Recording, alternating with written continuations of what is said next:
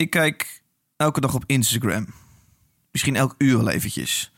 Niet lang, maar telkens gewoon even scrollen door de eerste tien foto's. En die zijn eigenlijk altijd leuk. Op de een of andere manier krijg ik slecht genomen foto's van een doorsnee grijze straat met drie gemiddeld uitziende auto's erop niet te zien. Dit komt omdat het bedrijf Instagram of Facebook er alle baat bij heeft dat ik leuke foto's te zien krijg en ook over een uur de app weer open. Elke seconde worden er duizend foto's geüpload naar Instagram. Dit betekent dat sinds de start van deze podcast 41.000 foto's zijn geüpload naar Instagram. Hierdoor kan het bedrijf met meer dan een miljard gebruikers niet handmatig al die foto's selecteren op leukheid. Dit gaat automatisch door een systeem dat bijvoorbeeld kijkt naar hoeveel er gereageerd wordt op een foto direct na deze geüpload is, of hoe vaak je de foto van een specifieke vriend liked. Instagram maakt gebruik van een algoritme. Het is een vreselijk complex algoritme. Dat is een combinatie niet alleen van uh, die factoren die je noemt. Dus ik heb die gelijk, dus ik zie uh, zijn bericht terug. Maar ook uh, allerlei andere factoren. Um, wat, wat jouw interesses zijn, wat, jou, wat voor surfgedrag je verder hebt gehad. wat jouw vrienden doen, zelfs wat de tijd van de dag is. Dit is de stem van Vincent Slot. Hij werkt voor een bedrijf dat algoritmes bouwt. Systemen die aan de hand van metertjes kunnen bepalen wat de gebruiker uiteindelijk te zien krijgt. Slimme software die op steeds meer plekken ingezet wordt om handmatige selectie, dus intensief mensenwerk, te kunnen vervangen. Een groeiende markt die we bij steeds meer selectieprocessen zien. Muziekbibliotheken, filmplatforms, media, winkels en zelfs het kiezen van de perfecte sollicitant. Het brein van een computer wordt ingezet om razendsnel het selectieproces voor enorme groepen mensen te kunnen doen. Maar wat als die keuze niet altijd even makkelijk is? Wat als er onverwachte factoren meespelen, waardoor je eigenlijk even de tijd wil nemen om wel overwogen tot je keuze te komen? Wat doet de computer dan? Vrouwen zijn natuurlijk vaak, uh, of niet vaak, maar kunnen een kind krijgen. En die zijn dus een tijdje uh, vaak in Nederland werken ze minder of zijn een tijdje eruit. En als je dat systeem traint op, op mannen die fulltime werken, dan krijg je dus een voorkeur voor mannen die fulltime werken. Wie controleert de computers? Als wij een blind vertrouwen in onze systemen krijgen, wie kijkt er of er geen fouten in het selectieproces zitten? Want op papier heeft iedereen dezelfde rechten. Maar hoe zit het in de praktijk? Mijn naam is David Achter de Molen. En voor het College voor de Rechten van de Mens is dit het vraagstuk. Met deze maand de vraag: Kunnen computers discrimineren?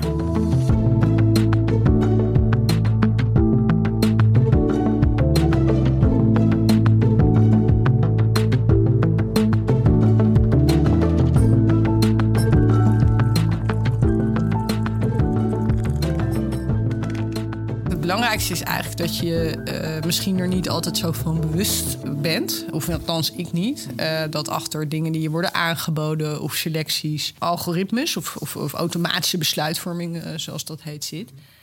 En waarbij, je hoort de stem van Quirin Eijkman. Quirin werkt voor het College voor de Rechten van de Mens en houdt zich bezig met de vraag of mensenrechten nageleefd worden. Wij willen natuurlijk uiteindelijk dat mensen gelijk behandeld worden. Uh, en uh, als dat niet gebeurt, is er sprake van discriminatie. Ja. Dus uh, dat is voor ons heel belangrijk. Niet alleen voor ons, maar voor alle mensen in Nederland. want dat is ook ons eerste artikel uit onze grondwet. Iedereen die in Nederland is, wordt gelijk behandeld. Zeker als je kijkt bijvoorbeeld naar onze arbeidsmarkt. nou, zijn daar best wel wat uitdagingen. Mm -hmm. Voor jongeren met een migratieachtergrond, maar ook wel voor ouderen. Het lastige met discriminatie is dat het bijna nooit in je gezicht gezegd wordt. Dus nee. het is bijna nooit dat je dan een brief krijgt of, een, ja. eh, of je wordt gebeld. Nou, je mag niet komen op gesprek omdat je. Want dan krijgen de werkgevers met jullie te maken. Ja, die wer werving- en selectiesbureaus weten ook wel dat dat niet kan. Veel vaker zal je zien dat het onbewust gebeurt. En dat is lastig, want uh, nou, ook Mohammed wil werken. Ja. en kan werken en kan misschien iets heel goed bieden voor Nederland. En juist die arbeidsmarkt is een plek waar artificial intelligence of het gebruik van computers bij selectie steeds meer wordt ingezet. Een van de dingen die nu, waar wij ons zorgen over maken, is dat omdat er steeds meer in online werving en selectie wordt geïnvesteerd, uh, dat er misschien uh, onvoldoende oog is van dat de programma's die daarachter zitten wel een bepaalde bias hebben. Bijvoorbeeld dat de data uh, waar ze op trainen nou, een vooroordeel heeft, bijvoorbeeld naar mannen. Een algoritme dat door een bias, oftewel een vooroordeel in het systeem, een bepaalde groep uitsluit, zoals vrouwen die door zwangerschap minder onafgebroken arbeidsjaren maken dan mannen. Een ander voorbeeld is Hunkemuller. Hunkemuller maakte gebruik van uh, video-interviews. Dus mensen werden niet beoordeeld klassiek op een cv wat ze indienen, maar je moest uh, heel innovatief een videofragment uh, opsturen van anderhalf minuut. Hartstikke. Na het insturen van je filmpje ging vervolgens een getrainde computer kijken naar bepaalde aspecten zoals lichaamstaal. Deze werd vergeleken met succesvolle medewerkers van het bedrijf om de beste sollicitanten eruit te vissen. Maar een van de indicatoren was bijvoorbeeld uh, de stand van de wenkbrauw.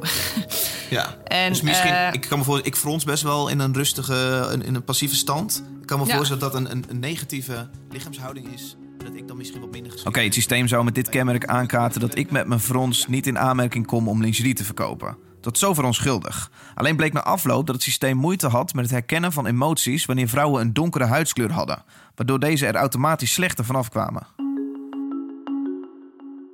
Nou, dat is bijvoorbeeld best wel een goed voorbeeld. Als je dus een videofragment in moet dienen en je maakt dus een automatische of een semi-automatische selectie, misschien sluit je wel een hele groep uit.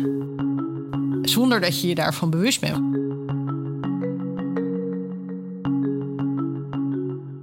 Als gevolg van digitalisering lijkt het heel clean en heel neutraal, maar is het in de praktijk? Het systeem is toch objectief altijd? Ja. ja. ja.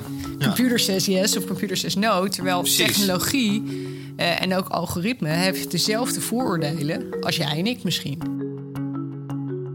En wij willen eigenlijk in de beginfase nu daar aandacht voor.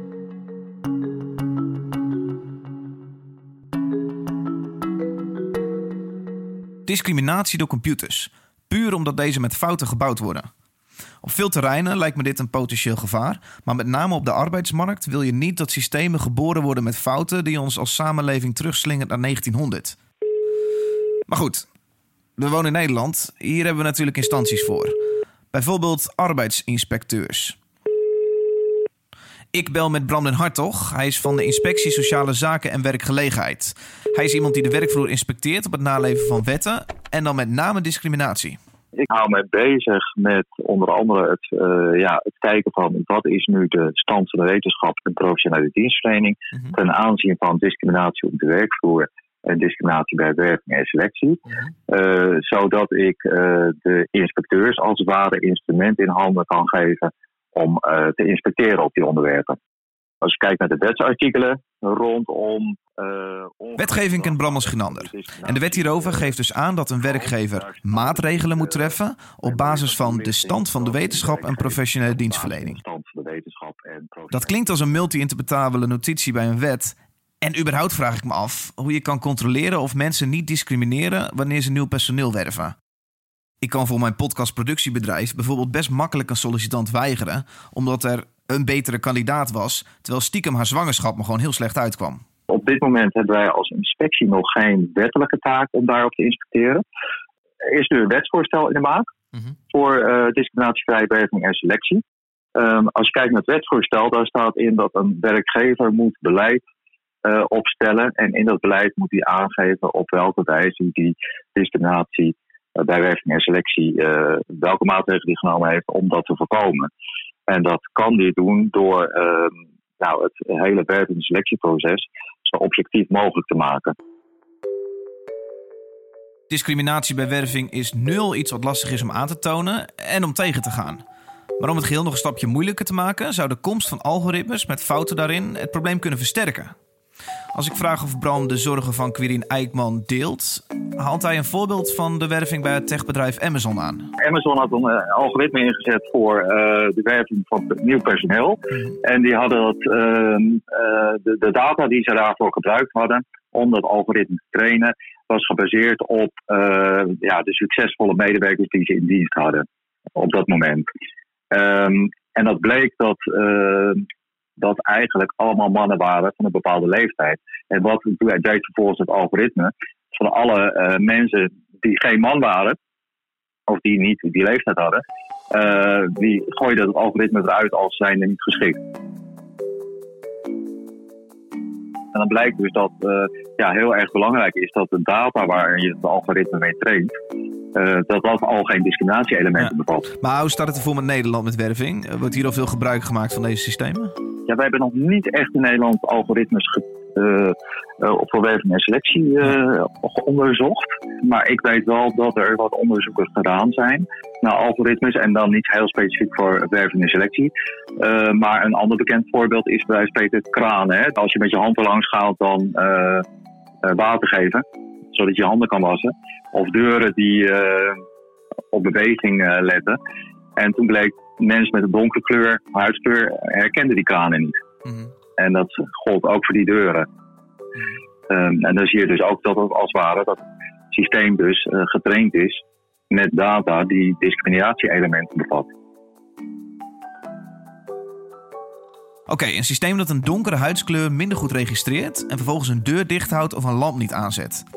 Enorm onvriendelijk tegen mensen met een donkerdere huid, maar een simpel gevonden fout in een algoritme.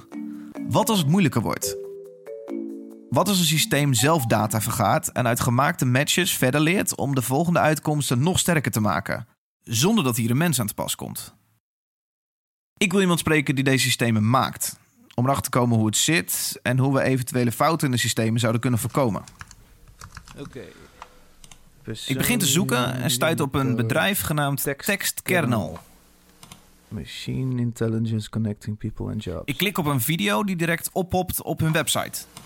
Our machine intelligence complements your team's human intelligence to bring people and jobs together. Welcome to Text Kernel. Het bedrijf blijkt als ondertitel te hebben, excuus, vrij vertaald, machine-intelligentie die mensen aan banen verbindt. Ja, dat klopt. Wat doen jullie? Onze software die kan dus in een mum van tijd grote stapel cv's doorlezen. En daaruit eigenlijk de, de uh, objectieve stukjes informatie pakken. Ja. Of jouw jouw werkverleden, hoe lang heb jij gewerkt als wat, uh, wat voor opleidingsniveau heb jij. En uh, ja, dat wordt dan als het ware eruit getrokken. En op die manier zo volledig, en, en, ja, volledig mogelijk beeld te geven van wat de kandidaat eigenlijk kan. Hoe, hoe leer je een computer en nu kom ik aan jullie verdienmodel. Want anders, als je nu vertelt, kan ik het misschien nabouwen. Dat wil ik niet. Maar hoe kun je een computer dat ja. in godsnaam leren? Dat uh, is een, een algoritme, een deep learning algoritme. Dus dat is ook meteen de meest uh, ja, complexe vorm, zou ik zeggen. De meest recente. Maar een zelf, zelflerend systeem? Ja, en die is dus ook getraind op... Uh, voorbeeld-cv's die door mensen zijn uh, geannoteerd. Dus mensen hebben aangegeven: kijk, als je deze cv hebt, hier staat uh, hoeveel werkervaring hij heeft, of hier staat welke vaardigheden die heeft. Mhm. En op die manier, als je dus uh, genoeg van die voorbeelden hebt verzameld, dan kun je dat aan het algoritme geven en die leert dan op dezelfde manier die labeling uitvoeren. Volgens mij moeten we voor de duidelijkheid twee soorten algoritmes onderscheiden. Een simpel, traditioneel algoritme, zoals een deur die open gaat als een sensor ziet dat er iemand voor staat en een ingewikkeld, veel moeilijker te doorgronden systeem dat zichzelf telkens leert nog betere matches te maken. In het geval van een deur zou zo'n deep learning algoritme vrij ver gaan, maar in veel andere situaties kan dit een hele sterke tool zijn die het leven van de gebruiker steeds makkelijker maakt. Een heel bekend voorbeeld is, is uh, het spamfilter van jouw e-mail. Die, uh, uh, dus als jij een e-mailtje krijgt en dat is spam, dan weet hij ze er vaak feilloos uit te pikken. En dat komt, dat is niet dat een programmeur heeft gezeten van, nou, als dit woordje erin zit of als dit woordje erin zit, dan noem ik het spam. Maar dat is op basis van uh, een hele grote trainingsset aan, aan voorbeelden van spam-e-mails. En een grote trainingsset aan de andere kant van niet spam. En dan weet hij, dat algoritme weet dat uh, onderscheid te leren. Tussen, ja, dus het woord Viagra in de, het onderwerp wordt zo vaak betiteld als spam, ja. dat hij op een gegeven moment weet, na 2000 keer misschien is het woord Viagra in de titel altijd spam. En dus gooit hij hem altijd in de spambox. Ja, nou ja, dus dat is dus de kracht van machine learning. Als ik als programmeur die regels zou bedenken, zou dat werken. Maar die ene keer dat ik daadwerkelijk. dan wordt het ongemakkelijk, maar dat ik daadwerkelijk een e-mailtje over Viagra stuur. Uh, dan wil je dat het systeem dus kan herkennen. Oh, maar dit, hè, dit lijkt verder, behalve dat er Viagra staat, verder lijkt het niet op een spam-e-mail. Want er staat misschien geen uitroepteken bij en Viagra is niet in hoofdletters geschreven. Precies, precies. Nou ja, bijvoorbeeld. En dus de manier hoe de software van TextKernel, het bedrijf waarvoor Vincent werkt, zichzelf traint steeds beter te worden in het lezen van cv's en daar de info uit te halen waarmee de werkgever een match kan vinden met zijn of haar perfecte werknemer. Uh, dat is echt heel erg makkelijk. Uh, ik geef jullie mijn vacaturetekst. Ik hoef niet eens uit te leggen, maar jouw, jouw systeem snapt ja. mijn vacaturetekst. Ik geef je mijn duizend brieven, die, die, die, die, scannen we in dat systeem voor jullie. Ja, en dat is precies de reden dat uh, dit soort software eigenlijk nou ja, overal wordt gebruikt in, in de HR. Logisch dat zo'n systeem aan populariteit wint bij bedrijven die nieuwe werknemers zoeken. Maar er ligt dus ook een gevaar dat er een fout het systeem insluipt. Het staat buiten kijf dat, dat algoritmes, uh, en vooral machine learning algoritmes, dat je erg moet oppassen bij het gebruiken mm van. Want het, is, het zijn zulke uh, complexe, ja, complexe wiskundige berekeningen eigenlijk, dat, dat er. Um, dat er effecten kunnen optreden die je niet voorziet. En dat is precies dus het probleem met um, ja, algoritmes die discrimineren of die vooroordelen hebben. Ehm, dat zijn effecten die natuurlijk niet bedoeld zijn door de ontwerpers, maar die er toch ingeslopen zijn. Het, het nadeel is dat um, die machine learning algoritmes ook beslissingen kunnen maken op uh, correlaties die geen oorzakelijk verband aanduiden.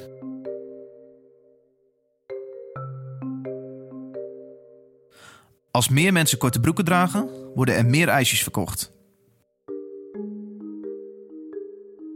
Een situatie waar een computer een correlatie denkt te zien tussen oorzaak en gevolg. Meer korte broeken, dus meer ijsjes. In dit voorbeeld nemen jij en ik automatisch een extra factor in ons hoofd. Warm weer.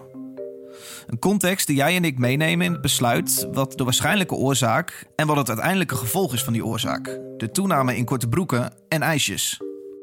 In dit geval maakt het niet zoveel uit dat de computer denkt dat korte broeken de oorzaak van de toename in ijsverkoop is. Maar als het om mensen gaat, is het heel belangrijk dat deze bewegingen kloppen. Bij techbedrijf Amazon, in het eerdere voorbeeld van Bram, legden de computers een soortgelijk verkeerd verband. Meer mannen is automatisch meer geschikte kandidaten. De techsector wordt uh, helaas gedomineerd door mannen. Ja. Dus dat systeem leert hey, uh, deze functie, technische functie. Nou, in het verleden hè, is, dat, is het vaak gebleken dat mannen hiervoor worden aangenomen. Laat ik uh, de suggestie voor, uh, of laat ik voor deze functie ook mannen aan gaan nemen. Ja. En um, dat is niet dat ze dat expliciet zo erin hadden gezet, die programmeurs of de ontwerpers van het systeem. Maar dat is een, een, een, ja, een neveneffect van wat er ook in die data zit. Want die data die bevat het, is, het is niet dat het algoritme iets fout doet. Nee. Het algoritme doet letterlijk wat er in de data. Maar uh, eigenlijk zijn het, het algoritme is een soort klein kind dat aan het opgroeien is. En is aan het leren. Ja. Maar de dingen die wij als papa en mama van het kind hem leren, is eigenlijk shit die wij aan ons eigen leven verkeerd aan hebben geleerd. Ja, nou ja, in de zin van. Dus we hebben vervuilde data. We, we, ja, dat, dat is, dat is uh, een heel groot probleem als je het hebt over het trainen van, uh, van deep learning algoritmes.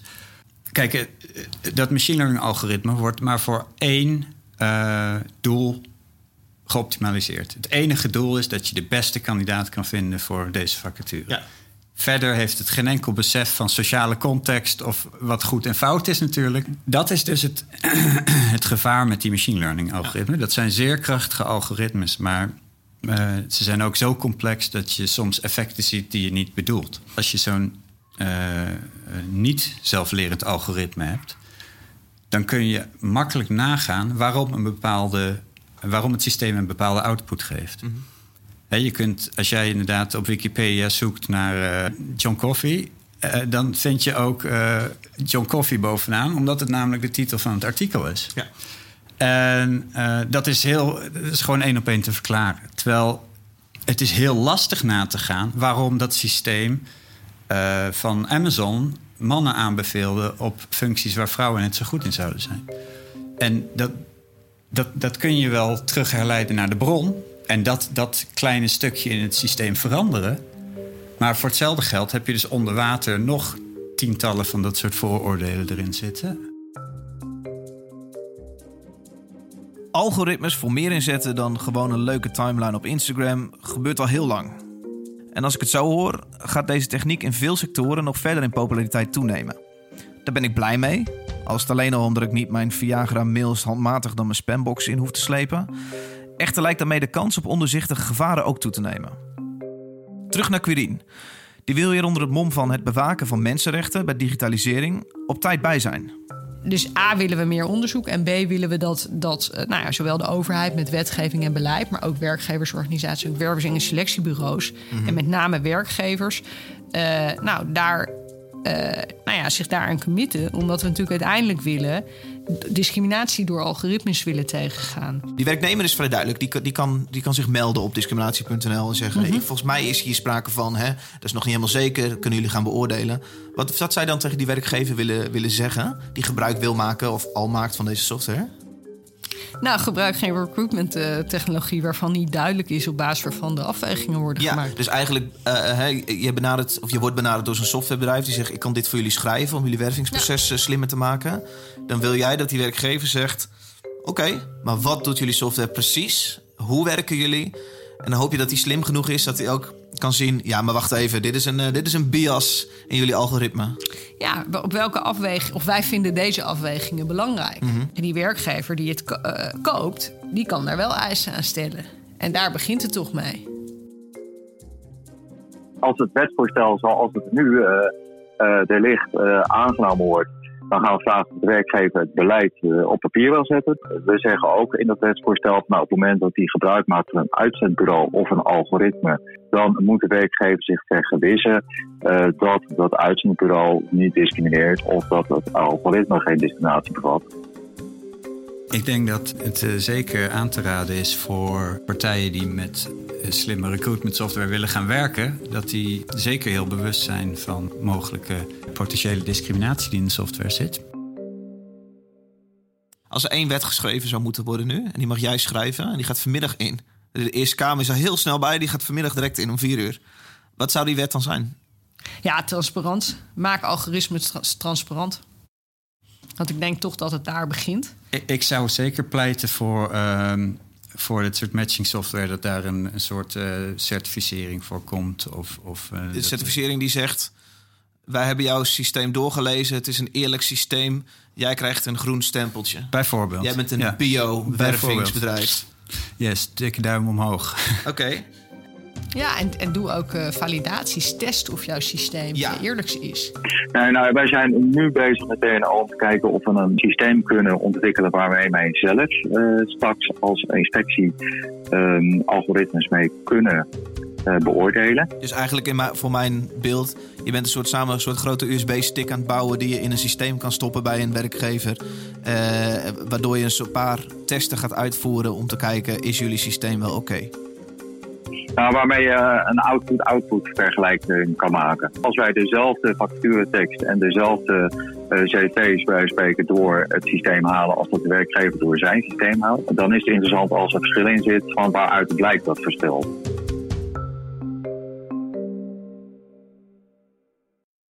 Deze podcast zullen we altijd beginnen met een vraag. Of vraagstuk. Dat klinkt wat officiëler. De vraag die we deze aflevering stellen is of computers kunnen discrimineren. Het antwoord daarop is, naar mijn onderzoek in deze podcast tenminste, een volmondig ja. Vooral algoritmes die we zelf laten leren om tot een zo optimaal mogelijke output te komen, kan een systeem ontwikkelen dat misschien gedeelte van een bevolking uitsluit, zonder dat we dit weten. Aan de andere kant staat dat er altijd een mens aan de basis van zo'n algoritme staat. Een mens dat zich bewust moet zijn van de eventuele gevolgen als hier een fout in gemaakt wordt. Om die reden lijkt transparantie ons voornaamste wapen tegen biassen of fouten in het systeem. Transparantie kunnen we geven door mensen bewust te maken, systemen te laten testen, maar vooral door openheid te eisen in de vraag welke wegen de systemen bewandelen. Het is misschien een beetje op een meer filosofisch niveau dat we nu praten. Want eh, concreet gezien zijn we nog niet zo ver, denk ik. Maar willen we die vooroordelen volledig uit de arbeidsmarkt krijgen, dan zul je daar misschien wel noodzakelijk techniek eh, voor moeten gebruiken. Techniek kun je controleren. Dat kun je eh, testen. Je kunt kijken wa- wat gebeurt er om de motorkap. En dat, dat zijn allemaal dingen die niet bij mensen kunnen.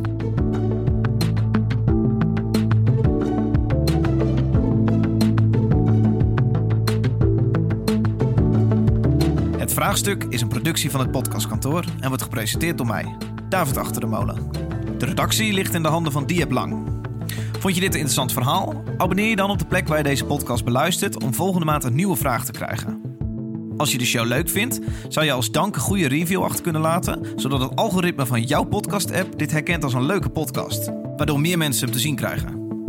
We halen links en rechts onderzoeken aan waarvan de bronnen terug te vinden zijn in het onderzoek naar algoritmes bij werving en selectie dat het college in september dit jaar uitgaf.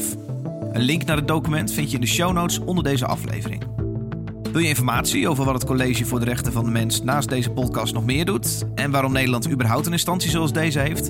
Ga dan naar www.mensenrechten.nl. Tot volgende maand, waar ik op zoek ga naar een antwoord op een nieuw vraagstuk.